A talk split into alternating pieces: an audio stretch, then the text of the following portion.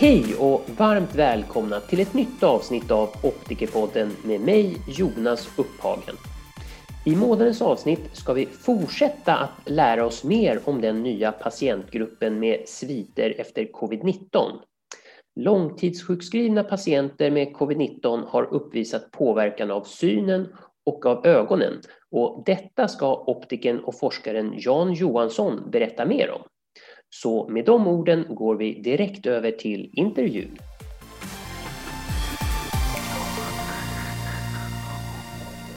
Hej Jan och varmt välkommen till Optikerpodden. Tack så mycket Jonas. Eh, jag har ju jättemycket frågor till dig här så att jag vill att vi kör igång på en gång här. Så att vi kan väl börja med bara att du presenterar dig själv så att lyssnarna vet vem jag pratar med. Absolut. Eh, Jan heter jag som sagt var. Jag är optiker. Jag läste magistern 2009-10 och jag disputerade 2015. Eh, och nu jobbar jag på Karolinska institutet på institutionen för klinisk neurovetenskap. Och där jobbar jag med undervisning och forskning och sedan har jag också ett nära samarbete med två rehabiliteringskliniker, en i Stockholm och en i Linköping. Okej, okay, yes, det får du ju utveckla lite mer. Vad är det för rehabiliteringskliniker? Ja, det är inom hjärnskaderehab. Så att eh, det är då kliniker som jobbar med patienter som har drabbats av någon form av förvärvad hjärnskada. Och det kan ju vara då stroke, det kan vara trauma, det kan vara olika infektionsdiagnoser, det kan vara tumörer och syrebristdiagnoser och så där som, som vi jobbar med. Och, eh, där så är ju min roll att uh, vara med i den här uh, bedömningen man gör av patienterna och även att initiera olika former av synrehabiliterande åtgärder. Jag förstår. Du kan väl ta och beskriva din forskning. Hur, hur går det till? Alltså, vad, vad gör du för någonting?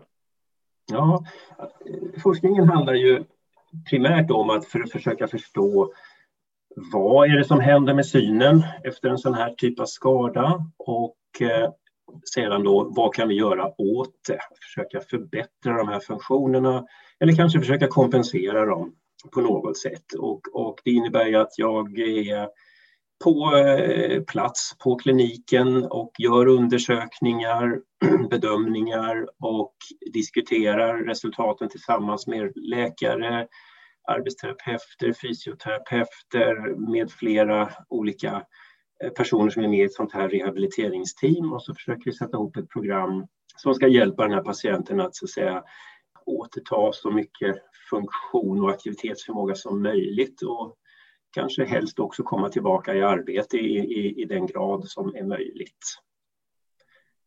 Så det, det, handlar om att göra eh, synundersökningar eh, som kanske är lite mera fördjupade på vissa, på vissa områden. Men, men i grund och botten är det väldigt mycket så att säga, vad ser patienten? Hur fungerar det med samsynen? Hur fungerar det med ögonrörelserna? Hur är det med olika former av eh, problem med att hantera visuella intryck eh, och sådana saker. Så det kan vara ganska många olika saker, men det är ett väldigt spännande arbete och eh, väldigt roligt att jobba i ett sånt här team. Ja, nej, men det här känner jag till. Det här som du berättar nu, det har jag hört lite tidigare, men om jag har förstått det hela rätt så har du också nu börjat titta lite närmare på covid-19 patienter. Stämmer det? Ja, det stämmer, det stämmer jättebra det. Den här sjukdomen då som ju började härja här på allvar i januari eh, förra året, det ledde ju till att det började dyka upp en del patienter efter ett antal månader som hade kvarstående problem. De hade genomgått en sån här covid-19 infektion men hade fortfarande många olika problem och hade svårt att komma tillbaka till arbete. Så vi såg ett ganska tidigt skede signaler på att här är det någonting och mycket tydde också på att det här kunde vara, att synen på något sätt kunde vara involverad i, i detta. Det här är ju en sjukdom som, som påverkar, kan ju faktiskt påverka hela kroppen och, och så att säga, man kan bli ganska påverkad och nedsatt av detta. Och då är det ganska rimligt att anta att även synen kan bli påverkad och vi såg även sådana tecken. Och eh, rent konkret så var det som så att eh, rehabiliteringskliniken i Linköping låg i startgroparna att sätta igång en studie kring detta och jag hade ett samarbete med dem sedan tidigare och vi såg då till att i den här eh, ganska omfattande telefonscreeningen som vi gjorde av patienterna eh, såg till att den även innehöll frågor som behandlade synen, eh, alltså symptom som kunde tänkas kopplas till synrelaterade problem. Så att eh, vi försökte på så sätt fånga upp dessa patienter för att sedan gå vidare och titta lite närmare på dem som då eventuellt hade några problem. Vad är det för symptom som ni frågade efter i de här telefonundersökningarna, eller vad sa du, teleundersökningar? Vad sa du? Ja, precis. Vi kikar ju på, det här var ju då, den här studien, den behandlar ju då alla patienter som hade sjukhusvårdats i Östergötlandsregionen, så det under mars till maj förra året. Så det var ju lite drygt 700 patienter det handlade om. Och då ville vi förstå hur det stod till med, med, med kvarstående problem hos dem. Och det kunde naturligtvis vara många olika saker. Synier är en liten del av detta. Då. Um, och um, då ringdes alla, alla dessa patienter som hade sjukhusvård erbjöds att bli telefonintervjuade avseende symptomen. Och då var det väl en drygt 400 som tackade ja som vi intervjuade och utav dem så var det knappt 200 som vi plockade in för att göra olika former av undersökningar och då var det då eh, primärt en, ögon, en läkarundersökning och en undersökning hos psykolog. Men även då flera andra eh, professioner, då, däribland optiker, då, jag själv som var med och kikade på dem då som vi bedömde hade problem med ögonen eller synen. Då. Jag kom in i detta i augusti eh, förra året som jobbar ganska intensivt med detta under hela hösten och precis i dagarna blir vi färdiga med datainsamlingen så jag håller på att börja analysera detta. Så får vi återkomma när jag vet lite mer i detalj vad vi får ut av detta, men det, det ser väldigt spännande ut. Jag förstår. Men vad var det för, kan du ge exempel på vad det var för symptom som patienterna kunde beskriva? Eh, de symptomen påminner lite om, om de som man kan hitta hos eh, patienter med andra typer av infektionssjukdomar och där hittar man ju sådana saker som att synen känns eh, suddig, oklar. Eh, det kan ibland förklaras med att man inte är korrigerad korrekt, eh, ibland inte, eh, ibland lite lurigare. Flera uppger att ögonen känns annorlunda. De, man känner av ögonen hela tiden. Det känns trött trötta, det svider, det känns grusigt och ögonen verkar lite mer rodnade än vanligt. En del är, är mer känsliga för ljus och, och intryck från omgivningen det som kanske är det mest vanliga här då, det är ju då att, att man känner problem med uthålligheten när man gör olika former av näraktiviteter, det vill säga man koll, att kolla på sin mobil, sin dator, läsa och så vidare. Att man blir fort trött i ögonen och kanske till och med väljer att inte läsa saker mer än nödvändigt för att det, det blir för jobbigt helt enkelt. Så det är väl de huvudsakliga symptomen som vi har fångat upp hur kan man hjälpa de här patienterna? Då? Finns det någonting som du har märkt hittills som vi optiker kan göra för de här patienterna? Ja, jag tror absolut det kan finnas saker att göra. Det verkar som att det finns eh, ganska tydliga avvikelser i synfunktion hos de här som, som vi eh, så att säga, har fångat upp med de här symptomen. Och det är ganska, som du hör, ganska klassiska astenopiska problem och lite andra saker också.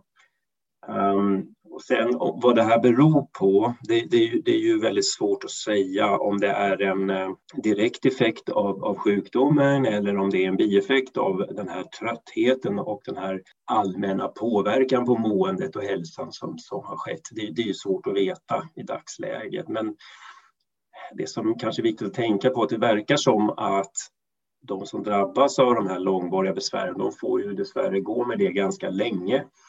Och eh, då gäller det ju att vi försöker göra så bra som möjligt ändå under, under den här återhämtningen. Och eh, jag tänker att eh, som en optiker kan göra då, det är ju att först och främst försöka se till att, att patienten har rätt glasögon på sig. Det är ju ganska många som har suboptimala korrigeringar, alltså det man har glasögon som inte är riktigt optimala. Och det kanske inte är något problem med det i vanliga fall och det är naturligtvis inte heller någon, förmodligen inte någon direkt effekt av coviden på så sätt. Men i och med att man är ganska påverkad och ganska trött så, så ju, blir man ju också mer känslig när, när inte till exempel glasögonen är optimala. Och eh, där ser jag ju som en väldigt viktig sak att, att man fångar upp detta, korrigerar eventuella synfel. Det typiska är väl kanske översynthet och astigmatiska, alltså brytningsfel som inte är korrigerade det andra är väl att, att man kanske inte sedan tidigare har känt något behov för att ha, eh, komplettera sina progressiva glasögon med någon form av läsglasögon eller terminalglasögon eller någonting sånt. Och det ser jag ett eh, eller har jag sett hittills ett, att det finns ett eh, behov där för att dels informera om detta och också hjälpa till och, och ordna sådana glasögon. Jag tror det är ganska viktigt att, att, att man som optiker här också förklarar hur, hur synen fungerar och, och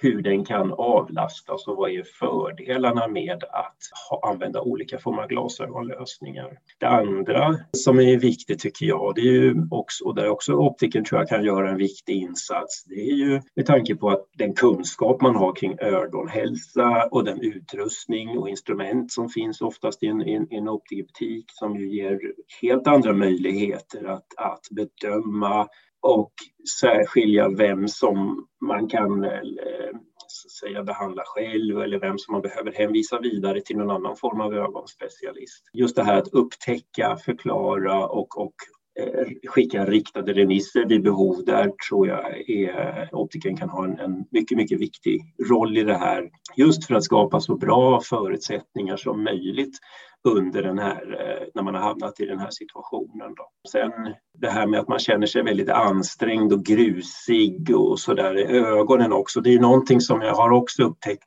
verkar vara relativt vanligt. Och där finns det eh, några stycken studier så långt. Det är inte så mycket skrivet på det här med, med post-covid och ögon och syn ännu, men, men det finns ett antal artiklar ändå och, och det finns några stycken som pekar på att man ska vara lite mer vaksam på främre segmentet eller framförallt eh, eventuella torra ögonbesvär. Det verkar som att de som har genomgått en, förlåt, genomgått en covid-infektion kan ha tendenser att få torra ögonbesvär. Så att jag har väl läst åtminstone en bra artikel på detta område och även sett rent kliniskt att det verkar vara på detta viset. Så att eh, jag tror att det är någonting som optikerna kan hjälpa till med. Både att undersöka ordentligt, remittera eller kanske ännu hellre hjälpa till med en, en adekvat behandling. Och eh, en del har ju försökt sig på lite grann det här med, torr, med torrsubstitut så att säga, men, men ganska ofta har man gett upp för man känner ingen skillnad. Och, eh,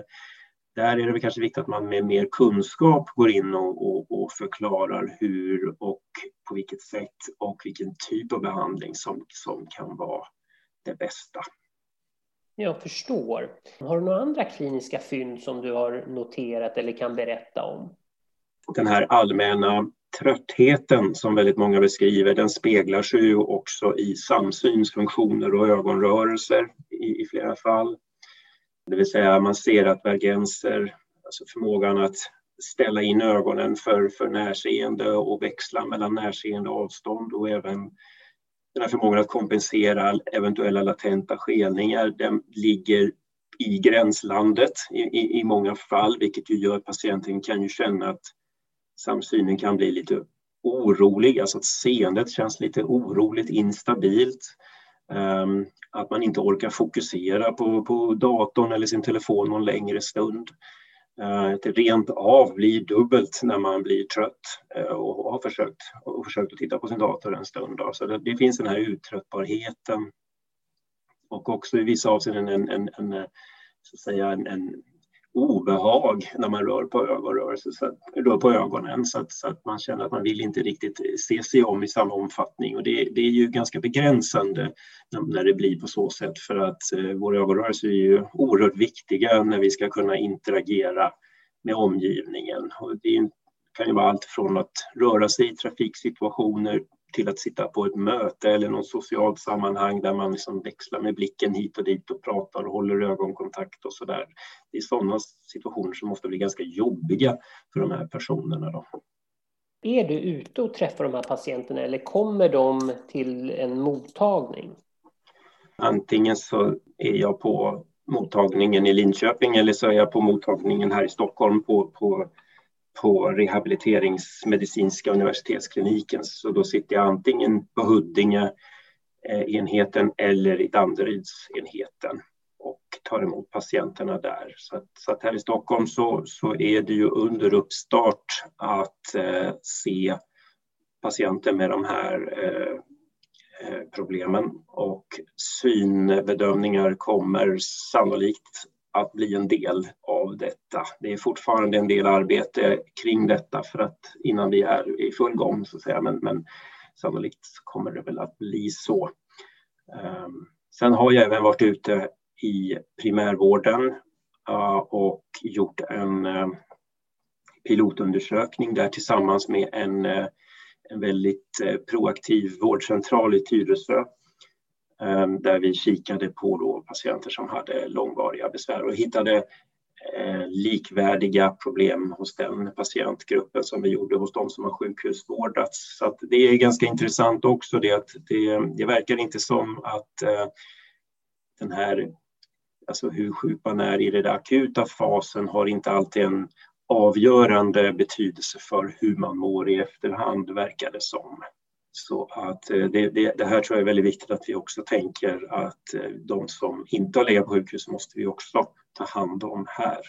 När du träffar de här patienterna, vad är det för mätningar som du gör då? Jobbar du mycket med provbåge och eh, prismastav eller hur ser det ut när du jobbar?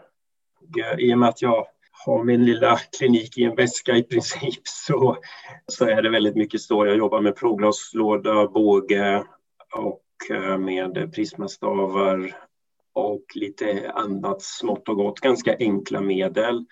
Och eh, det eh, kommer man, tycker jag, ganska långt på. Men däremot så har jag inte eh, tillgång till alla dessa fina apparater man kanske kan hitta på en optikerbutik. Så därför så är det ju väldigt viktigt att, att, så att säga, jag kan anlita kollegor som kan kika närmare på, på de patienter som man hittar misstänkta avvikelser hos. dem. Men, men som sagt jag, jag, använder mycket provbåge och, och provglas och, och, det finns eh, fördelar med det. Det är att man faktiskt har, eh, upplever jag i alla fall, en, en ganska bra kontroll på hur patienten mår när man gör synundersökningen. För att en del är väldigt trötta och blir ganska påverkade när man gör de här mätningarna. I normalfallet så att mäta lite vergenser och ögonrörelser och så där, det är ju någonting som går ganska lätt vet nog de flesta kollegor. Men i det här fallet, både när det gäller hjärnskadepatienter och post-covid-patienter, så måste man vara lite observant på hur, hur, patienten mår och att man erbjuder lite paus och så där. Så att det kan vara bra att sätta av lite extra tid för, för undersökning eller eventuellt dela upp det på ett par undersökningar så att, så att det inte blir så stressigt och, och, och så där. Eh, du nämnde några mätningar där som du gjorde, ögonrörelser och vergenser. Eh, vilka mätningar är det som du tycker är relevanta att göra? Har du någon checklista som du liksom försöker beta av? Vilka mätningar är det som är intressanta tycker du? Det är egentligen ganska klassiska mätningar.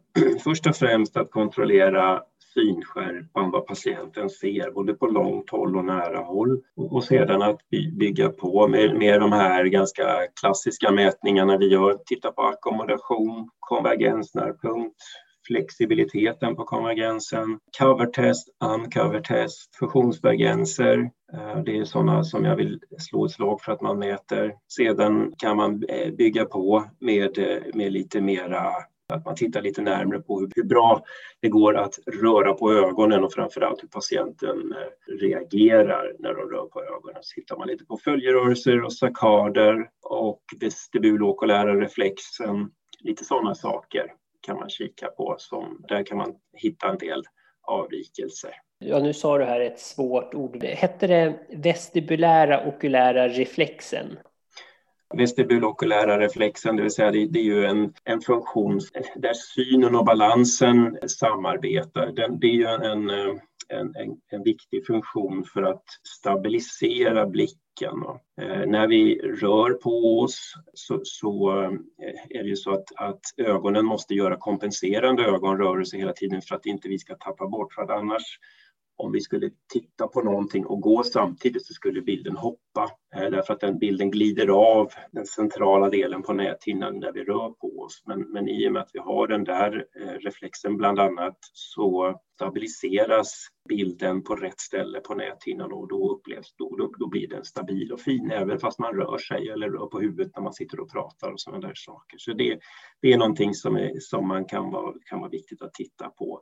Men i grund och botten för att den ska vara riktigt effektiv så måste också de här de vanliga optometriska funktionerna vara i, i, i god form också. Så att, så att eh, börja alltid med att titta på sådana saker som synskärpa, långt håll och nära och vergensfunktionerna eh, och så följerörelser och sakader. Och sedan kan man bygga på med mera eh, komplexa undersökningar vartefter sen då. Ja, du, du får det här att låta så enkelt, det här som är så svårt tycker jag. Vestibulära okulära reflexen. Och det är det som vi kallar för VOR. VOR, helt rätt. Yes. Så när du gör de här mätningarna, då, då sitter du och skakar patientens huvud, eller är det så det går till? Ja, det finns lite olika, olika sätt att kika på det här. Det, det är ju dels att göra den här så kallade knycktesten där, där patienten får fixera på är ens öga och så fattar man eh, patientens huvud eh, med händerna och sen så vrider man till åt vänster och höger och testar om patienten kan hålla kvar fixationen. Sen kan man ju också testa naturligtvis genom att, att låta patienten själv göra den här rörelsen, alltså svänga med huvudet fram och tillbaka. Eh, medan de håller kvar fixationen på någonting. Och eh, där, då blir det lite annan typ av testning, men det är också någonting som kan, vara, som kan ge vissa utslag. Till exempel i att, folk, att patienten tappar fixationen eller, eller blir väldigt yr eller ostadig när de gör detta. När man hittar avvikelser här så kan man ju också behöva involvera andra specialister som, som är med och bedömer från sitt håll här då, så man förstår riktigt vad det handlar om. Ja, jag förstår. Nu har du pratat en del här om hur eh, du undersöker de här patienterna. Kan du berätta hur mm. rehabiliteringen eller träningen går till? Så att allting tar ju avstamp ur de mätningarna man har gjort och, och alltså rehabilitering i det stora hela in, inom, så att säga, om man jobbar inom rehabiliteringsmedicin så är det så att det är många olika funktioner som man tittar på. Det är oftast en läkare någonstans i mitten och sen så är det flera olika eh, specialiteter som tittar från sitt håll. Man gör en bedömning vilka funktioner är påverkade och vad har den här patienten för behov. Ehm, och det kan ju vara väldigt olika behov och, och olika säga, förutsättningar att göra rehabilitering beroende på hur, man, hur hälsan är i övrigt och så där. Men, men målet på något sätt det är ju då att, att utifrån den här kartläggningen då försöka eh, prioritera ett antal funktioner som man går in och tränar upp och sedan ganska snabbt övergår i aktivitetsträning. Och när det gäller funktioner då, då kan ju syn vara en av de funktionerna som man kikar närmare på. Och där försöker man ju jobba nerifrån och upp när man pratar om, om synrehabilitering eller, eller vision therapy som man pratar om på, på, på engelska så, så är det så att det är en, ett, ett väldigt brett begrepp. Det, det omfattar ju både eh, kompensatoriska åtgärder och återställande åtgärder som man då eh, tar till utifrån behoven och förmågan. Och eh, det som jag ser från ett optikerperspektiv är väldigt viktigt, det är ju för det första liksom rätt glasögon som jag redan har pratat om. Men att även komplettera kanske med, med olika former av filter. En del som är ljuskänsliga kan ju behöva att man, man så att säga mjukar ner ljuset lite med, med någon form av filter. Och där finns det olika färgtoner som kan kännas bättre eller sämre för olika. Det är ofta lite dovare färger som lite blått, grått, och ibland den här lite rosatonade FL41-filtret som kan fungera för de här patienterna. Sen även att, att försöka informera om, om saker så att patienten tänker på liksom ergonomi och hur man hus, hushåller med sin energi. Um, hur man placerar sin, sin dator och det man ska läsa på. Uh, att man kommer ihåg det här med pauser. Uh, förut kanske man kunde jobba timtals i sträck med, med en uppgift men i den här situationen så kanske det inte är riktigt läge att göra det utan att man behöver dela upp det, ha regelbundna pauser så att eh, huvudet och, och, och ögonen får återhämta sig. När det gäller att andra bitar så kan man ju gå in också och aktivt försöka träna upp funktioner och, och eh, titta på till exempel ackommodation, konvergens, fusionsreserver, och eh, Försöka stärka dem då på olika sätt. Och då, det jag använder där det är ganska klassiska metoder för att, att stärka det här. Och här måste man ju också anpassa, prioritera, se om det passar in i, i, i det övriga schemat och hur mycket patienten orkar. Och där måste man också vara lite aktsam när det gäller hur man lägger upp träningen för att eh, de som jobbar med, med synträning i vanliga fall vet så, så är det ju ganska jobbigt, va? särskilt de första två veckorna cirka. Så man får mer symptom och det blir väldigt ansträngt i ögonen och så där. Man kan till och med känna lite illamående när man håller på och, och tränar. Så att eh, det är väldigt viktigt att, att man är med patienten och förklarar att det kan vara så här och man också är väldigt lyhörd för hur det går. Jag har själv varit med om att man måste kanske eh, pausera eller avbryta eller anpassa träningen för att, för att det ska bli mer görbart för patienten. För att man kommer ofta från, man kan komma från den sitsen att, att man har ju varit med om den här sjukdomen och den kan vara eh, oerhört jobbig och oerhört eh, obehaglig att gå igenom och när vi nu börjar träna synen så kan man ibland framkalla en del symptom som nästan kanske kan påminna lite om det här man har varit med om. Så att så att det är väldigt viktigt att man känner sig trygg när man gör det här och att man kan göra det på ett tryggt och, och säkert sätt. Om man vill gå in och träna så är det väldigt viktigt att man, eh, att man faktiskt är med patienten, stöttar, förklarar och eh, följer upp så att man ser att man är på rätt väg och eventuellt anpassar där det behövs. Och skulle man till exempel märka att det här inte riktigt fungerar, ja då kanske man måste stanna upp, eh, kanske konsultera någon annan som kan kika närmare. Det kanske finns andra aspekter här också som man måste tänka på eh, när det gäller rehabiliteringen. Du sa att du, du tränar fusionsreserver. Mm. Du tränar konvergensnärpunkt. Mm. Du tränar akvid. Ja. Var det någonting mer som du sa där? Även att man tittar på Eh, flexibiliteten i de här funktionerna. Kan du utveckla flexibiliteten i de här funktionerna? Utveckla gärna det. Mm. Om man tänker sig klassiskt, om man tar konvergensträning till exempel som ett exempel, så, så är det kanske det klassiska sättet att träna att man, man tränar med en penna eller motsvarande och man övar på att i mjuk rörelse ta den närmare och närmare och närmare mot ögonen och så har man någon målsättning där om att försöka komma in kring omkring 10 centimeter. Kanske. Och det här är en alldeles utmärkt eh, träningsform som man ofta kan börja med för att, eh, så att säga, mjuka upp det här och eh, i och med att patienten själv styr pennan så är man också i kontroll och kan reglera takten på ett bra sätt och det är väldigt bra i början att man kan göra det. Även Brockstring som ju är ett klassiskt enkelt sätt att träna på. Jag säger inte att träningen är enkel, men metoden är relativt enkel och den är också finurlig på så sätt att den eh, hjälper synen att få lite ledtrådar på hur den ska fokusera för att det ska bli rätt. Så det är väl det, pen push-up som det kallas för, det vill säga när man tar pennan närmare och brockstring, de här pärlorna på snöret som man jobbar med.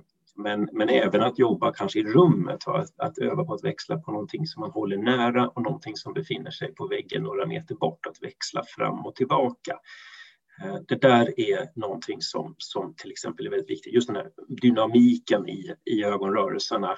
Eh, det är ofta där man hittar och det är väl ett tips också när man undersöker patienten att inte alltid mäta mjukt och fint utan också pressa på lite grann och testa hur går det när man, när man gör lite mer dynamiska eh, ögonrörelser. Eh, nu, nu, får du upplysa mig här som är lite, eh, hur tränar man fusionsreserver? Har du exempel på hur man gör det?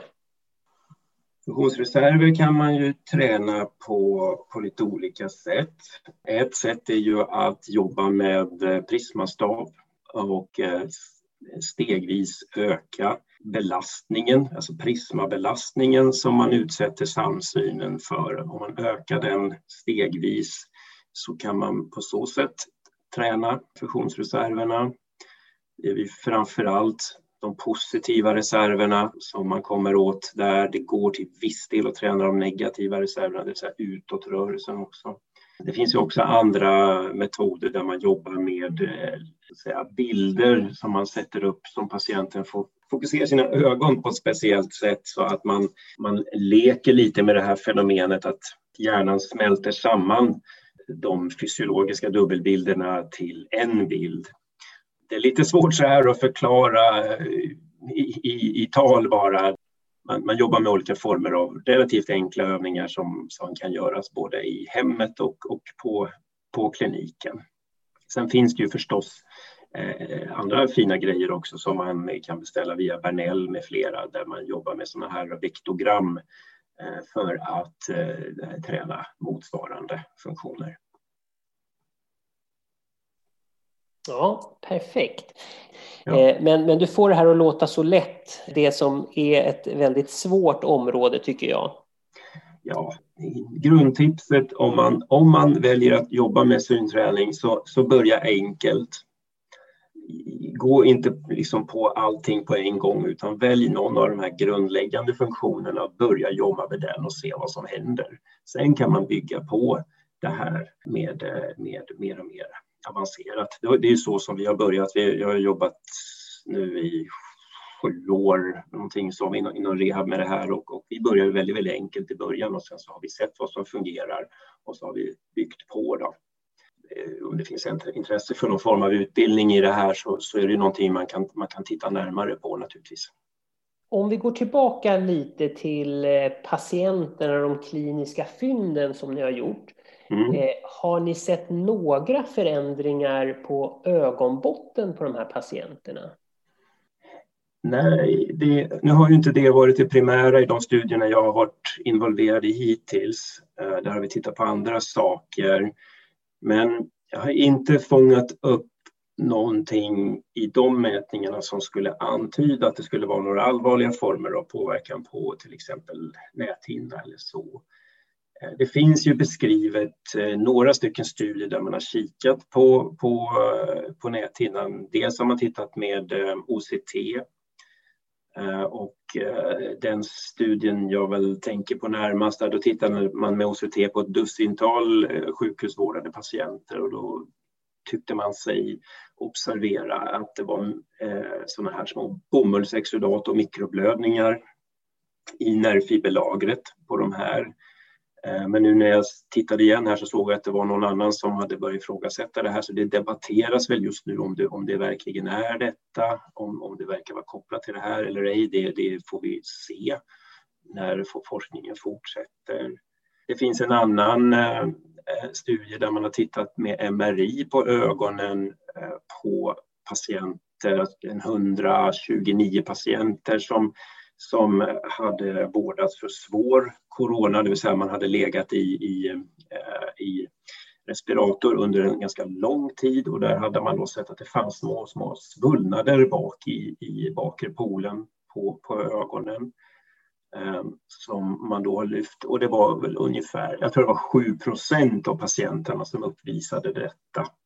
Men man kunde inte påvisa någonting vad gällde synskärpepåverkan eller så i övrigt. Men man har lyft det som att det, det kan vara ett observandum ändå när patienter har legat i de här, eh, den här eh, intensivvården under en längre tid och legat då på mage under en längre tid. Där, om det är någonting möjligen som sker i samband med detta. Vi får se vad, vad, vad man får fram där. Sen är det no några andra som har lyft det här med att man är rädd att, att förekomsten av diabetes retinopati ska öka. Och det är då framförallt för att det är som en eh, indirekt effekt av, av den här nedstängningen i samhället som har varit på många, kanske inte så mycket i Sverige då, men, men, men i övriga eh, världen där, där man då så att säga har dels minskat tillgången till att komma på undersökningar men också att människor kanske ändrar sitt beteende, eh, rör sig mindre, ändrar kostvanor och sådana saker. Så att man har lyft det här också som en liten observandum att, att hålla koll på detta med om, om detta möjligen ökar.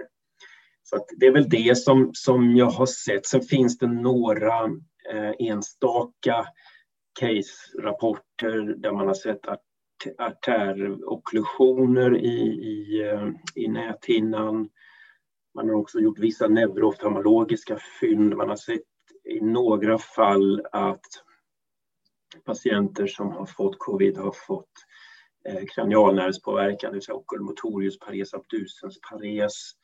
Eh, det är än så länge få sådana rapporter och det får vi vara glada för. Hoppas att det stämmer att det är få också.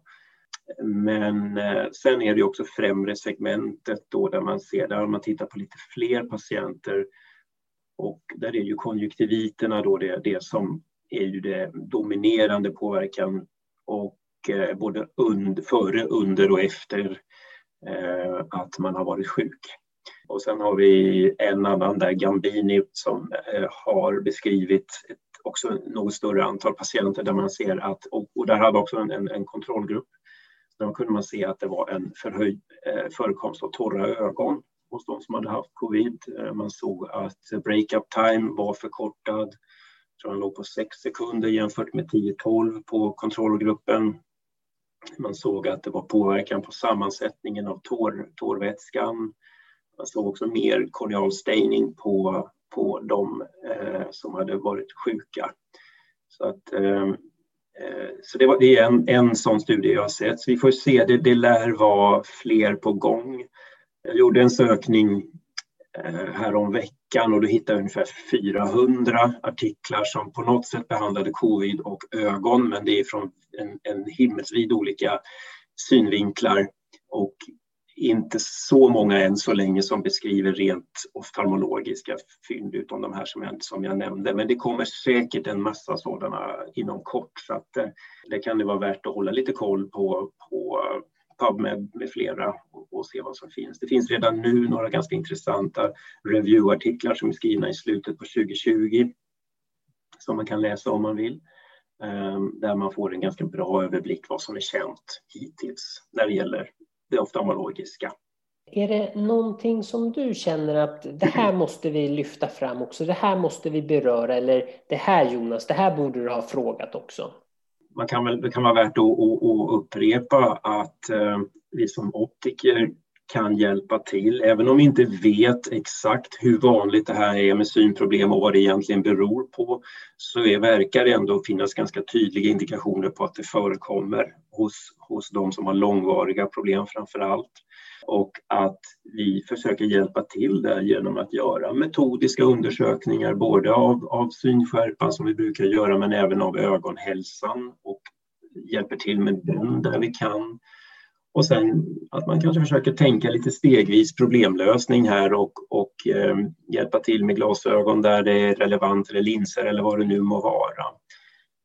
Och eh, jag tycker också det är ganska viktigt att, att man tar sig tid att lyssna eh, på när man gör undersökningar, lyssna på anamnesen ordentligt och, och, och, man kanske ska vara beredd på att den kan vara ganska diffus och lite svår att, att, att ta på i början. Men, men tycker det är viktigt att man tar den på allvar och sedan gör sina mätningar och försöker ställa det här mot varandra och försöka kanske, om man kan, försöka ge patienten också en förklaring på vad, vad det är man hittar och vad som möjligtvis kan förklara vad i den här ganska brokiga symptombilden som man kan ha. Det, det, det är en ganska viktig sak. Man kan ju tänka sig själv där om, om, om, man, om man sitter med en massa jobbiga saker och, och man vet inte in eller ut riktigt sådär. Men kan man börja bena ut en sak i taget där och få hjälp med någonting så tror jag det är väldigt värdefullt. Och att man också, det är också viktigt att förklara liksom att, att visst, synen är en del, det är inte allt på något sätt, men här handlar det om att försöka behandla, ta bort energitjuvar genom att tänka på ergonomi, synhjälpmedel, eventuella filter, behandla kanske torra ögon om det skulle vara det som är problemet så, så tror jag att vi kan hjälpa till från vårt håll och, och göra det, situationen lite trevligare. Ja, Spännande. Har du någonting annat du kan delge om framtiden, vad som händer eh, framöver här? Just nu kommer jag nog att gå in i ganska mycket skrivande på den här eh, artikeln, som, eller den här datan som vi nu har samlat in med post-covid-patienter, så jag kommer att gå in och skriva på det för fullt snart här. Ehm, jag har en del eh, undervisning på gång nästa vecka, både för Finland, för eh, Linköping och sedan håller vi också på att planera kommande studier i Stockholm och kommande studier i Linköping. Så att det är, det är mycket kul på gång tycker jag. Jättebra Jan, det här var ju jätteintressant att höra så att nu vill jag bara tacka dig för att du tog dig tid att prata med mig i Optikerpodden. Tack för att jag fick vara med Jonas. Tack. Då tackar jag igen Jan för att han tog sig tid för att prata med mig i Optikerpodden och jag vill även tacka alla lyssnare som valt att lyssna och jag hoppas att ni har lärt er någonting nytt. Och börja gärna prenumerera på podden och hjälp gärna till att sprida podden vidare. Och vill ni verkligen göra en insats så skulle det verkligen vara uppskattat och välkomnat om ni ville skriva en recension eller lämna ett betyg på Optikerpodden där det är möjligt. Sist men inte minst så vill jag tacka min samarbetspartner Optikerförbundet som hjälper till i skapandet av Optikerpodden. Vi hörs!